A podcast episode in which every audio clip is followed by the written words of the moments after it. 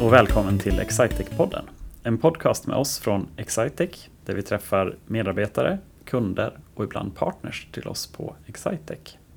Jag heter Mats Stegeman och eh, i veckans avsnitt av Excitec-podden så träffar vi två stycken kollegor till mig och medarbetare på Excitec. Eh, vi träffar Stina Eiming och Tina Hultman. Välkommen! Tackar så mycket! Ja. Kort, kan ni inte bara presentera vad, eh, vad gör ni på Excitec? Ja, Stina här då jobbar som eh, digital marknadsföringsstrateg med extra fokus på kundutveckling och kundansvar. Mm. Så det är vad jag gör. Ja, och Tina då jobbar som eh, SEO och SEM-specialist. Mm. Och redan där tänker jag att vi har sagt, eh, med, med dig Tina har vi sagt några förkortningar. Och, och eh, det, är ju lite grann kring, kring de här förkortningarna och, och de här ämnena som vi tänker att vi ska basera dagens avsnitt på. Eh, och eh, om, vi, om vi börjar någonstans då, liksom så här, du, du, nämnde två stycken treställiga förkortningar till att börja med och, och jag tror vi kommer ju inte kunna hinna prata om, om alla de här idag. Men eh, du nämnde två stycken förkortningar här direkt. SEO och SEM. Eh, vad, vad, betyder det här för, för en sån som mig? ja, SEO då, det står ju för Search Engine Optimization som betyder sökmotoroptimering. Mm. Eh, SEM står för Search Engine Marketing, alltså sökmotormarknadsföring. Just det. Det är två vanliga begrepp. Ja, och två ganska breda begrepp vad jag har förstått också. Ja, det skulle man kunna säga. Ja. Um, om, om vi, för, för vi, vi sa ju lite grann här innan att vi, vi, vi kanske inte hinner, hinner igenom alla de här delarna utan eh, vi ville fokusera lite grann kring eh, SEO, alltså sökmotoroptimering. Eh, vad ingår i det här eh, begreppet för ja, men om, man skulle, om man skulle fråga någon så här, ja, men sökordoptimering, är det, är det något man bara sätter sig ner och gör? Ja, men sökmotoroptimering är ju ett väldigt, det innefattas ju väldigt mycket i SEO som vi brukar förkorta det då.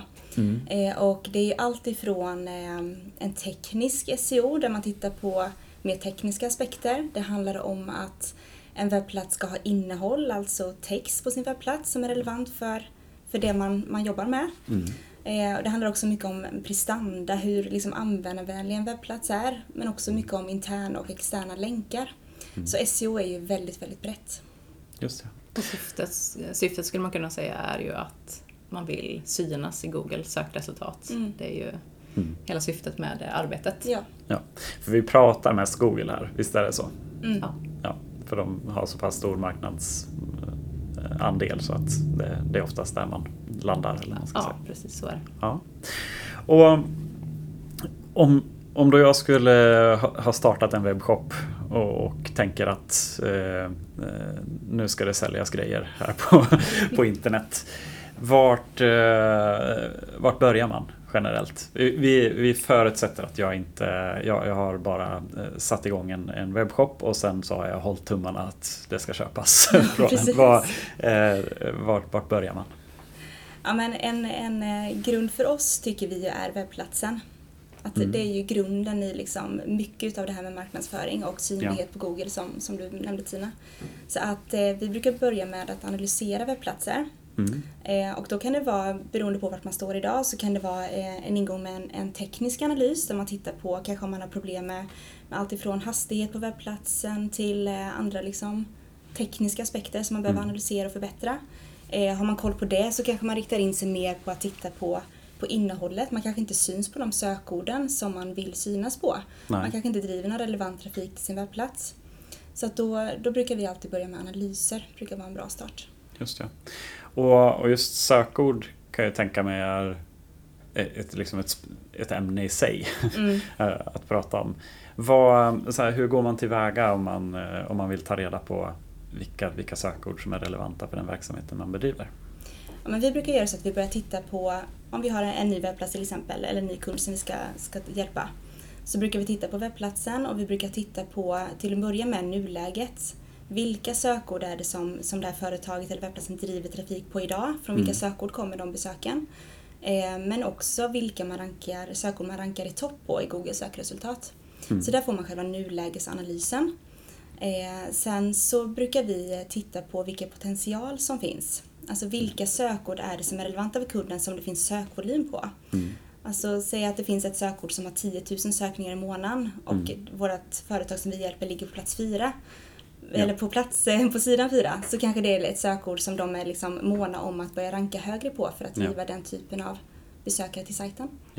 Och, och vad är en stor volym? Nu nämnde du 10 000. Liksom Ja. så här, vad, det, det kanske är olika beroende på vad man gör. Det är men, jätteolika beroende ja. på liksom vilken bransch man är i och det är inte alltid så att det är det sökord som har mest sökvolym som man bör fokusera på.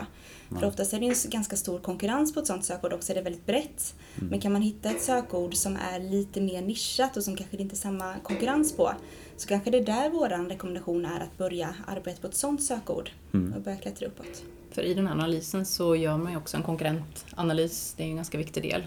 Ja. Ehm, För att titta på vilka som tar den trafiken idag, Mm. vilka ligger på de toppplatserna och får, får ta del av den här trafiken och därmed köp, Mm. ehm, affärer.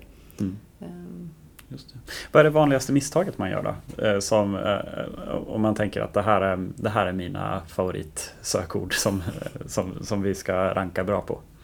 Ja, I många fall så, så tycker jag att vi ser att, att man benämner saker på ett sätt som ens potentiella kunder inte benämner saker. Mm. Man använder fel typ av sökord. Hur man kategoriserar, sina produkter till exempel, under vilka kategorier. Ja. Det kanske inte alls är de sökorden som besökaren använder, eller som den potentiella köparen använder. Ska säga.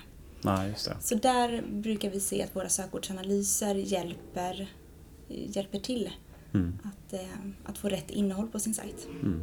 Ja, för här handlar det väl om att, att följa med lite grann i vad, som sagt vad det söks efter och inte bara vad man kanske vill Mm. att det ska sökas efter. Ja, men precis. och det är alltid en bra ingång att man får med sig, liksom, man har efter webbplatsen att utgå ifrån. Ehm, Man ser vilka produkter som, eh, som man säljer då. Mm. Ehm, Men sen blir det lite de- detektivarbete att leta upp kanske synonymer eller andra längre fraser kanske Mm. ehm, som, eh, som är lättare kanske att ranka på. Mm.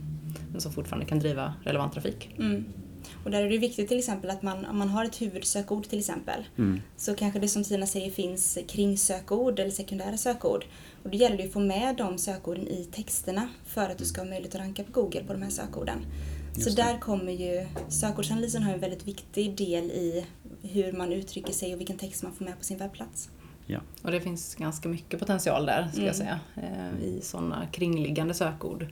Eh, Köpa löparskor, det är ju ett eget med Just det. jättemånga sökningar Mm. Ehm, som kan komplettera bara löparskor till exempel. Eller så. Just det. Det finns en mängd sådana. Ja, men jag förstår. Vad, hur borde jag, nu, nu kommer vi in på ett ämne som ligger mig varmt om hjärtat, just att köpa löparskor. Vad, vad, vad ska jag söka på om jag ska köpa löparskor? Skulle nog börja med löparskor. jag ska börja med löparskor. Och sen kanske specifikt vad man vill ha för skor. Ja, och där har nog eh, någon redan jobbat på SEO-fronten skulle jag säga. Ja. Så, att, eh, Ja, jag kan, det, det finns nog risk. så du kommer hitta att- bra produkter där skulle jag tro. Ja, jag, jag tycker det brukar gå ganska, ganska lätt att eh, även kunna lägga till en färg om jag skulle vilja ha det. Ja, med precis. annat. Eh, men snyggt, och det, det här låter ju väldigt grundläggande. Ni nämnde ju det också tidigare att det här är ett så här, man, man startar här och, och, och ni kommer ju in också på att eh, så här, det är bra att veta de här bitarna när man ska börja ändra sina texter på webbsidor eller, eller så fanns det ju de här tekniska aspekterna att det ska, det ska gå snabbt och liksom sådana bitar och, det, och allt har väl liksom leder väl till hur man rankar gissar jag till i, i slutändan på, på Google. Mm. Ja, så är det. De, det är ju ett brett ämne eh, Mm. som innefattar många aspekter. Så att eh, sökord är ju en del i det. Mm. Så, Ja. Men det är en viktig grund liksom. Mm. Och det kan ju också, sökordsanalysen kan ju också visa liksom själva uppbyggnaden på en sajt. Mm. Vilka sidor som, som kanske i vissa fall saknas. Man kanske klumpar ihop för många produkter till en och samma kategori. Mm. När man istället kanske borde ha flera underkategorier istället. Just det. handlar ju om att ha relevanta landningssidor som besökaren kan landa på. Ja. Mm. Så att, så att man inte liksom klumpar ihop för mycket. För då blir det också svårt för Google att förstå om det är löparskor eller om det är eh, träningsskor som kanske är ett annat, en annan benämning på någonting. Just De det. kanske ska ha två separata sidor då för att Ja. kunna optimera på bästa sätt. Då. Och där är också mm, webbplatsstrukturen är ju en av de här tekniska bitarna som vi Mm. pratade om innan som eh, SEO också innefattar. Mm. Som har stor betydelse för hur eh, Google läser en sajt och eh, hur man indexerar den och får Just den att den synas på, på Google. Ja. Ja, men jag förstår. Jag, kan verkligen relatera till den här biten att eh, man vill ju när du klickar på, på någonting, en annons eller, eller en länk generellt så, så är det viktigt att, att men man hamnar på ett ställe som, som, man, som, som beter sig som man förväntar sig. Så Mm. Ja, har jag sökt på träningsskor så vill jag ju inte se kläder när jag trycker på en skoannons. man Nej, och säga. det är ju Google också väldigt måna om. eh, Mm. Och alla sökmotorer egentligen, att man ska få relevanta träffar. För Mm. Klickar du på många länkar som inte leder dit du vill så kommer du troligtvis att lämna eh, Ja. och byta sökmotor. Och då, det vill inte någon sökmotor att det ska hända. Nej, det, det förstår jag också.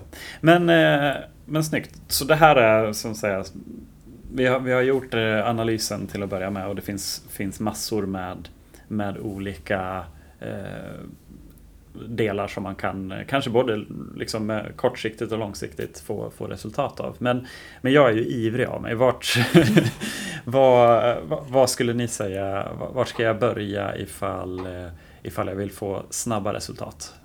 i, i min jakt på, på min försäljning. Då skulle jag ju säga att en naturlig följd av efter en sökordsanalys och grunden Mm. att man kickstartar med Google-annonsering. Mm. Det är eh, en snabb effekt eh, till synlighet. Eh, Mm. s- Vi brukar ofta prata om att sökmotoroptimering är långsiktigt. Det är Mm. ett långsiktigt arbete som man gör löpande egentligen hela tiden. Ehm, Och Google-annonsering kan man på ett snabbt sätt få synlighet. Eh, Man betalar ehm, för att synas helt enkelt. Just det. Ehm, Och, och det här är ju som jag förstår ett, eh, ett område som, som du är lite extra expert på då, Tina. Ja, precis. Det. Hur, eh, och då blir man ju nyfiken på liksom så här, hur, hur mäter man effekterna och värdet av, eh, av sånt här typ av arbete? Är det någonting man, man kan göra? Ja, men det skulle jag säga. Det, det är en väldigt viktig del för vår- oss i vårt arbete. Just att eh, vi måste veta vilka mål vi jobbar efter. Mm. Vad har företaget som vi jobbar med för, för mål? Vill de sälja mer i sin e-handel till exempel? Vill de sälja x antal mer procent under kommande år? Eller vill de sälja mer av ett visst eh, produktsegment till exempel? Mm. Det är väldigt viktigt för oss att veta. Och vi baserar ju våran optimering på data. Ja. Så att vi behöver veta vad man ska mäta som sagt. Och då kan det ju vara, har man en e-handel till exempel om man vill sälja mer i den så behöver vi kanske mäta antalet transaktioner och intäkt Mm. för att Tina sen då ska kunna optimera kampanjerna eh, så att de blir så, så lönsamma de bara går. Ja, precis. Och det kan ju vara eh, antingen transaktioner och intäkt. Eller det kan ju också vara leadsgenerering. ehm, Mm. Att man fyller i formulär, Mm. eh, kontaktvägar och sådär. Eh, om det inte är en e-handel just. Som, Mm. Just det. Ja men det är klart, det är inte, det är inte alltid ett köp kanske som är eh, målet med, eh, med eh, en annonsering. Utan, Nej, och det kan ju finnas mer, ja, men precis, det kan ju finnas flera mål med webbplats också. Första steget Mm. kanske är att man ska fylla i ett kontaktformulär och få en kontakt med en säljare till exempel. mm, Medan ett mål längre fram kan vara något helt annat. Ja. Så det gäller ju att spåra det huvudsakliga målet men också många delmål i, i många fall. mm. Mm. Och det är ju viktigt i annonseringen för att man ska kunna utvärdera vad, vad det faktiskt ger. Eh, mer än att man ser att man får exponeringar och att det klickas. Men Mm. vart, vad ger det i slutändan? Det är ju jätteviktigt Mm. att kunna se de resultaten. Intressant, men hur, hur mäter man effekter då av, eh, av sånt här typ av arbete? Av Google-annonsering till exempel. Vad, hur vet man att det är värdeskapande, det här arbetet? Ja, men ett vanligt begrepp som vi använder oss mycket av är ju ROAS. Ehm, Det står för Return on Ad Spend. Ja. Ehm, Avkastning på den annonsbudgeten som man har lagt in i annonseringen. Mm. Och det är ett väldigt viktigt värde eh, för att mäta att man faktiskt eh, får tillbaks det man vill, eh, det man vill och det man förväntar sig av sin annonsering. Mm. Och, och i praktiken så är det alltså att hur mycket pengar du lägger in på annonsering eh, gentemot den avkastningen man får Ja, eh, tillbaka av, Ja, av det arbetet. Ja. Det är ett jag, jag gillar ju det här, det är ett spännande område på det sättet att det finns ju väldigt mycket data. Det bygger ju på, på data, ja allting. Men eh, och, och, jag blir förstås nyfiken eh, på så här, har man ett begrepp och, och sådär. Vad, vad är en bra siffra för det här och sådär. Har vi något liksom, det är alltid kul att höra ifall vi har någon, eh, någon, någon historia, någon, något kundcase till exempel där vi har eh, gjort bra ifrån oss. Har vi, har vi något exempel? Jo, det har vi faktiskt. Vi har en kund som heter Deluxe Music mm. som eh, säljer musikinstrument. De har både en stor butik i centrala Stockholm och mm. har också en e-handel. Varit igång i många, många år. Eh, men vi började jobba med deras Google-annonsering nu här i tidigt i våras. Och där lyckades vi väldigt väl väldigt snabbt så där fick vi ett ROAS-värde på 2000 procent i somras. Så det innebär ju då att man får 20 gånger pengarna tillbaka på ja. den annonsering som, som på den annonseringspeng man stoppar in. Mm. Eh, så att det ledde faktiskt till att de i juli dubblade sin intäkt i handeln gentemot förra juli då 2022. Så det var ju en, eh, det är ju ett väldigt lyckat case. Ja, och vad skulle ni säga är de så vad, vad, är det framförallt som, som de har lyckats med? Är det att de rankar bättre på, på Google eller vad, vad, vad skulle du säga är den största effekten som, som, eh, som har lett till det här? Um, nej men den, det som vi gjorde, som vi startade upp med väldigt snabbt var ju Google-annonseringen. Och mm. den, där står ju shoppingannonser för ganska mycket av eh, försäljningen. Mm. För, som det också gör för många e-handlare idag. Um, det är en viktig, eh, viktig punkt. Um, och 2000 i ROAS var ju just konkret ifrån Google Ads-annonseringen enbart. Ja. Så vi mätte det. Så det var inte på totalen utan det var enbart på Google Ads-annonseringen. Ja, just det. Och då blir man ju också nyfiken. Är det liksom var det på produkter som de redan var stora på som, som de sålde mer av eller, eller var det så att de hittade nya, eh, nya delar som, som eh, kom fram i ljuset? Man ska säga. Ja, men jag skulle nog säga både och. Va? Ehm, de är ju väldigt stora på elgitarrer. Ja. Um, och där har de ju också ökat eh, sin försäljning av elgitarrer. Um, tack vare Google-annonsering eh, men också att vi skjuter ju ganska brett med marknadsföring i banners till mm. exempel. Som är mer varumärkesbyggande. Mm. Så man ska prata lite kort om marknadsförings eller kundresan så bygger det ju på att man um, Ja, men ganska tidigt ska vara liksom synas och vara top of mind för sina kunder. Mm. Eh, så bannerannonseringen eh, är ju väldigt tidigt i köpresan. Mm. Eh, där man försöker som sagt vara ganska bred och visa vad man erbjuder. Liksom. Att man är en, en musikbutik helt enkelt. Så att då försöker man vara top of mind och när man jobbar med bannerannonsering så kan man få väldigt stor effekt av väldigt, väldigt lite pengar. Ja. Runt 20 000 kronor så i vissa fall får du över en miljon visningar för dem, för den pengen. Oj. Och då riktar vi oss väldigt specifikt mot sådana som har ett intresse för musik och instrument mm. genom olika målgrupper som vi kan bygga då. Mm. Så det är ju en del, men sen så är det viktigt att finnas i hela köpresan för sen när man väl gör en sökning på den här specifika gitarren som man vill köpa ja. då gäller det att, att eh, våran kund syns där så att man inte ger bort affären till någon konkurrent till exempel då. Just det, så att man har den första delen handlar om att skapa ett intresse men, då, mm. men det är sällan kanske affären sker ifrån från det stället Nej, utan precis. till slut så googlar man ändå. Ja. Mm. Eh, och, och då, då vill man synas. Mm. Eh, ja. Så, så våra kunder hade ju ingen Google-annonsering alls när vi tog över. Nej. Utan det var ju någonting som vi startade upp från grunden och det blev ju snabbt en, en viktig del utav deras eh, en viktig försäljningskanal. Mm. mm. Spännande. Och jag har också förstått att alltså min, min bild kanske av sån här annonsering har varit att man gör ett ryck. liksom så att man, man bestämmer sig att ah, men nu, ska vi börja, nu ska vi börja annonsera och sen så, eh, så gör, man, eh, gör man en annons och sen så, så skickar man in skickar man in det där i, i Google och sen så glömmer man bort det. man ska säga. Men, men jag har förstått att det, det här är kanske inte den ehm, det, är ett sätt förstås, men det kanske inte är det bästa sättet att, att arbeta med annonsering. Det är, det är lite mer komplext än så, har jag, har jag förstått rätt. Ja, eh, så är det. Eh, vi jobbar ju eh, kontinuerligt med våra kunder mm. och löpande i alla konton egentligen. För saker och ting förändrar sig. Sökbeteenden är inte samma år efter år utan det Nej. händer grejer.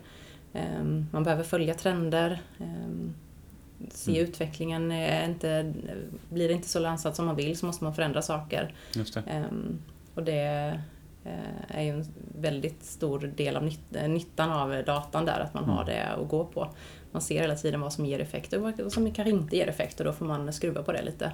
Och det är ett löpande, ständigt arbete ska jag säga. Mm. Det är det vi gör dagarna i ända, säga. Ja, ja men det, och det där kan jag ju tänka mig ger ju... Man blir ju lite... Alltså jag, jag tänker så här att det finns nog ganska många som, som gör precis som, som jag har gjort. Den, den, eller de få gångerna som jag har testat att annonsera. Att, eh, att man, vet, man tänker att jag, jag vet eh, hur en annons ska se ut och sen så gör man en annons och sen så så tänker man att den här får väl ligga en månad och sen så får vi titta på, på resultatet. Men, men då kan jag ju tänka mig också att i konkurrens med att eh, man har några som, eh, som, som oss då kan man säga. Nu, nu ställer jag mig till, till ert lag men vi jobbar ju på samma ställe. då Eh, att man har, alltså det ju, känns ju som en eh, inte rättvis kamp att, eh, att några sitter och hela tiden finjusterar och kollar vad, hur ser trenderna ut idag och, och, och, och grejar gentemot att eh, andra i någon mening kastar, kanske kastar lite pengar i sjön då genom att bara tänka att jag håller tummarna och, och så kommer affärerna till mig. ja, nej men precis. Ehm, det är ju alltifrån vad man faktiskt får ut i ehm, i eh, transaktioner och intäkt eller leadsformulär och sådär. Mm. Men det handlar ju också om eh, klick och klickkostnader och vad man får, vad man faktiskt betalar för att någon klickar. För det är ju så att en, eh, på, en visning kostar ju ingenting. Det är först när man klickar på en länk eller en shoppingannons eller sådär som man, som man betalar för den. Och det är ju också ett löpande arbete som man vill se över. Mm. Ehm, så att man får ut så mycket som möjligt för den peng man lägger in. Det. Eh, och det behöver man verkligen titta på ofta och följa. Ehm, mm. För att veta att det faktiskt blir resultat. De resultat man vill ha. Precis. Och, och det där kan jag ju tänka mig är Kan man liksom ta reda på ifall man får rätt klick på något sätt? Alltså hur, hur, ehm, hur avgör man det? I slutändan blir det ju att det faktiskt leder till eh, köp Mm. Det är ju den, eh, det målet, om det nu är det målet man har. Eh, återigen, viktigt att eh, sätta upp det man, så att man har spårning på det man vill spåra och att det finns tydliga mål att uppnå. Och då blir det det som i slutändan bestämmer om, om det har varit lönsamt eller inte. Ja, för när man har intäkt så är det väldigt lätt att räkna liksom, om det är lönsamt eller inte. Mm. Eh, men som Tina säger så är det viktigt att sätta spårning på det och att hela tiden analysera vilken data som kommer in. Ja. Eh, både liksom vilka kampanjer i Google Ads som genererar mest lönsamma klick då i detta fallet kanske. Mm. Men eh, det kanske är också så att den organiska trafiken som kommer in från Google är mer lönsam än Google Ads-trafiken eller tvärtom. Så där gäller det också att titta på på vilka kanaler som är de mest lönsamma och kanske mm. satsa mer där då. Är det Google Ads-annonsering som ver verkar ha en hög ROAS då kanske vi kan lägga in ännu mer pengar där och få ännu fler lönsamma affärer. Just det. Det brukar vara ganska lätt att argumentera för, eh, för högre budgetar om man kan visa på resultat. Ja. Ehm, det blir en naturlig följd av att eh, man ser att man, eh, det kommer in pengar. Mm.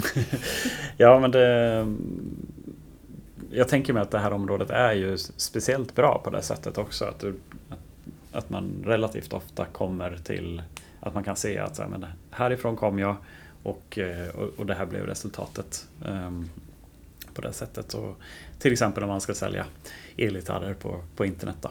Mm, Vad, så här, om, man, eh, om man skulle liksom prata om eh, eh, så tips eller eh, liknande till, eller, eller kanske vanliga fallgropar. Vad, när man ska sätta igång ett annonseringsprojekt, vad, vad skulle ni säga eh, vad, är de, vad är de viktigaste sakerna att tänka på?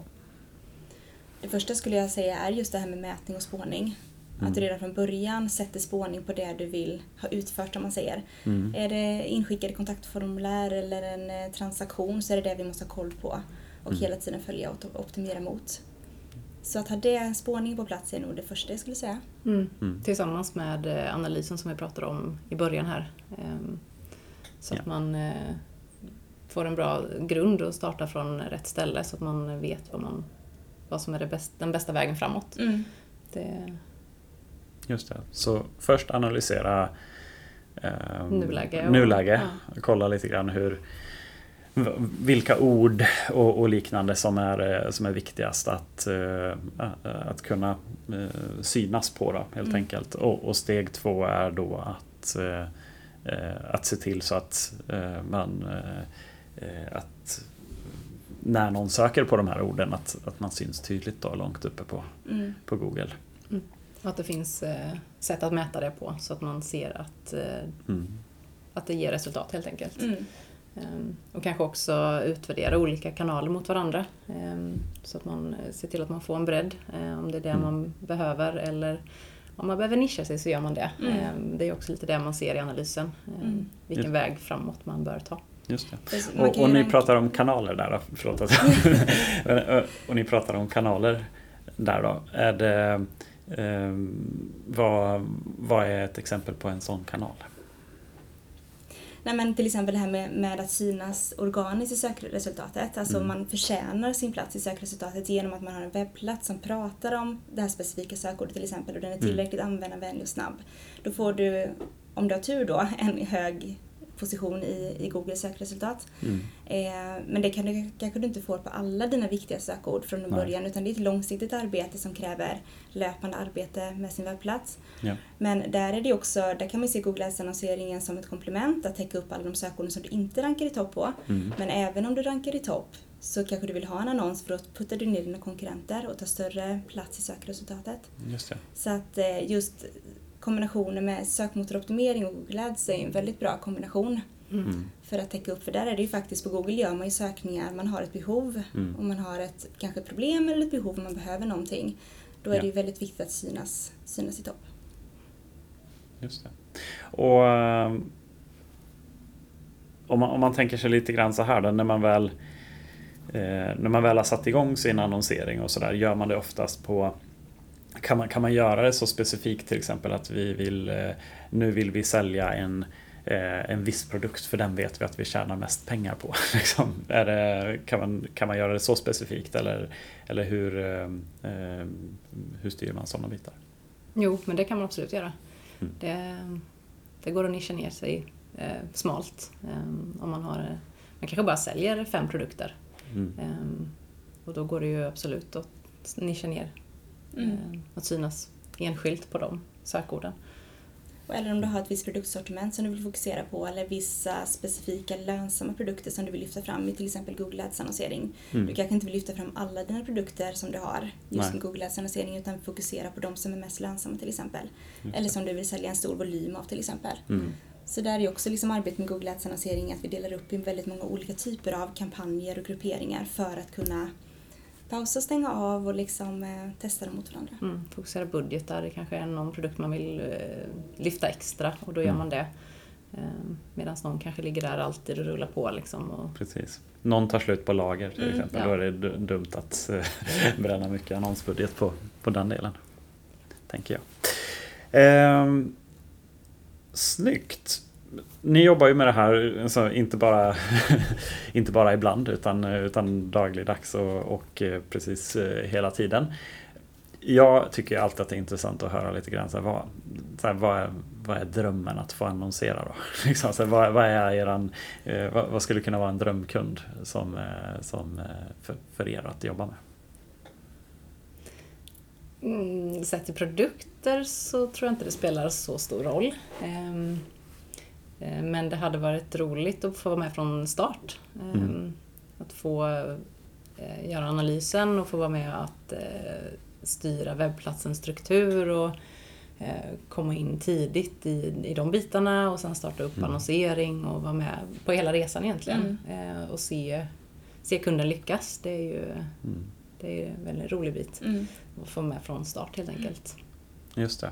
Ja, för jag får mer och mer bilden av att det hänger ihop ganska mycket. Eh, alltså att det blir en helhet det där med att man kanske börjar i en ände att eh, liksom, nu ska annonseringen, den, den, ska, den ska göra att vi syns bra.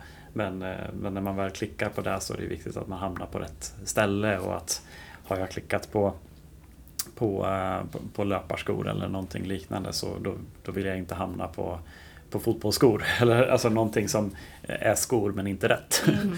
i, i det läget. Och, och, och där kommer väl hela liksom, strukturen med webbplatsen eller att man kanske inte mm, att man kan jobba med rätt kategorier i alla fall så att, man blir, att det blir ett relevant resultat för när man kommer in dit. Ja, för det är ju både för användaren att det ska kännas relevant när du klickar på Mm. löparskor att du ska hamna på rätt kategori.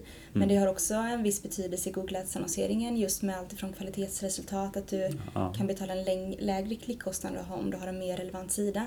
Mm. Så att man, om man gör grunden rätt med sin webbplats med liksom, eh, rätt uppbyggda strukturer och, och landningssidor med text och sådär Ja, så ger det väldigt stor effekt även i Google Ads-annonseringen. just det. Så att det kanske är dumt på en webbsida att ha över kategorin skor. Eller någonting i den stilen för att den blir lite svår att konkurrera på kanske. Nu, nu kanske löparskor är, är relativt svårt att konkurrera på. Klick kanske. Mm, ja, inte med rätt optimering. Härligt! Om man skulle... Jag, jag har lärt mig massor. Eh, dels några, några förkortningar till i, eh, i IT-djungeln. Men, men, eh, men också väldigt mycket om... Jag visste till exempel inte en, en sån eh, kanske självklar sak för er att, eh, att det var eh, bara klicken man betalade för.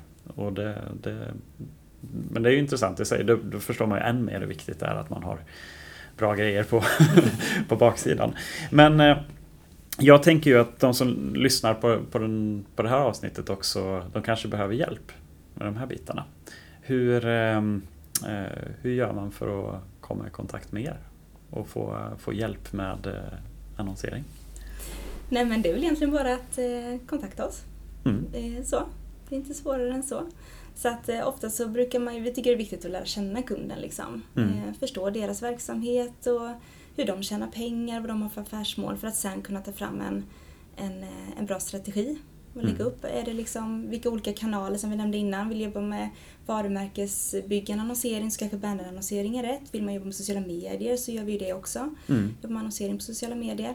Eh, Men mycket fokuseras ju runt kring SEO skulle jag vilja säga. Det ligger en stor grund där. Mm. Ja. Eh, Men vi jobbar ju med flera delar också. Men att hjälpa till, hjälpa till att ta fram mixen är Mm. det som vi jobbar mycket med. Just det. Så våra kontaktuppgifter finns ju på webbplatsen. Så det, Just det, på excitec.se Ja, Ja, eh, hittar man. Eh, och, och det blir ju nästan lite meta i det här läget att tänka så här, hur hittar man enklast? Så här, vad ska man söka efter? På, rankar vi bra på Google? Det kanske vi inte får prata om. men, eh, men det är ju ändå som sagt, excitec.se hittar man till, där, hittar man våra erbjudanden och, och kategorisidor eh, förstås eh, som, eh, som, som berör det här och de andra områdena som, som vi säljer. Ehm, och, och det är ju en sak att man kan ju bli kund till oss på Excitec. En annan sak är ju ifall man är intresserad av att arbeta hos oss och, och vill, eh, vill göra som, eh, som dig Tina till exempel och, och, och sitta och eh, optimera sådana här delar så, så finns det ju även eh, jobbannonser eh, som, man kan, eh, som man kan hitta och, och söka sig till, eh, till oss om man tyckte det här lät intressant på det sättet också. Mm. Men, men vill man eh, vill man dubbla sin försäljning under sommaren eh, och det tänker jag mig att det är några stycken som vill. så, så har vi också ett, eh, ett fint recept för det. Ehm, är det något mer som, som ni skulle vilja, för nu, nu har jag så, så rundat, upp, rundat av lite grann här för, för veckan, men, men har ni något sista medskick som ni skulle vilja eh, skicka med till de som lyssnar? Ja, vad skulle det vara? Nej, men just det här med digital marknadsföring är ju liksom det är någonting som förändras snabbt. Mm. Eh, och eh, vi jobbar ju löpande så man behöver ju liksom inte, någonting vi bestämmer nu kan vi ju förändra om några månader. Så man, det är ju det som Mm. är liksom det fina också med digital marknadsföring. att vi behöver inte bestämma hur vi ska göra i januari hela året utan Nej. vi, vi tvistar och ser att ah, men det här ger resultat. Då fokuserar vi mer där. Mm. Ehm, och liksom hela tiden följer, följer affären helt enkelt. Framförallt är det ju väldigt roligt jobb. Ja, det är ju är otroligt roligt. Ja. Väldigt kul. Ja, Ja. vi hjälper våra kunder att liksom Mm. lyckas och det är Mm. väldigt kul. Det låter ju väldigt sätt. verksamhetsnära också att man får prata om de just försäljningsdelarna och så här att det, det är saker som är väldigt, väldigt viktigt och ligger kunderna varmt om hjärtat kan jag Mm. tänka mig att jobba med. Mm. Så, och det är väl en jättefin sak att, eh, att avsluta veckans podcast med. Att det är ett, eh, liksom, ett, eh, ett väldigt roligt varierande arbete nära kundernas verksamhet. Mm. Snyggt! Men då tackar jag så jättemycket för att ni ville komma och gästa Excitec-podden. Hoppas ni tyckte det var skoj. Tack själv, Absolut. jättekul. Mm.